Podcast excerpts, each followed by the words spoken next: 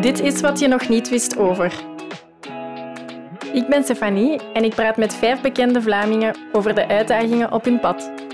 Ja, sorry, ik ga het proberen. En iedereen had zoiets van, wat, wat proberen? Ah ja, Latijnse. Oh ja, ja. Maar... Dus, dus in mijn kop eh, mocht ik daar al niet zijn. Dus het zit, ook, allee, het zit evenveel in de kop van uzelf als in de koppen van, van andere mensen.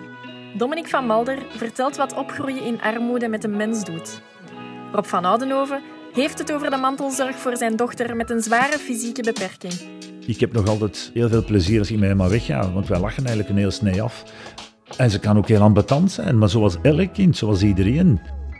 Hannelore Bedert praat over hoe ze verder moest na het plotse overlijden van haar man.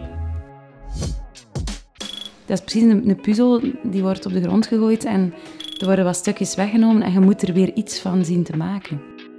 En wist je dat Clara Kleimans te maken kreeg met pesten en veel belang hecht aan een goed zelfbeeld? En dat het klimaat voor Francesca van Thiele haar grote liefde en tegelijk haar grootste angst is?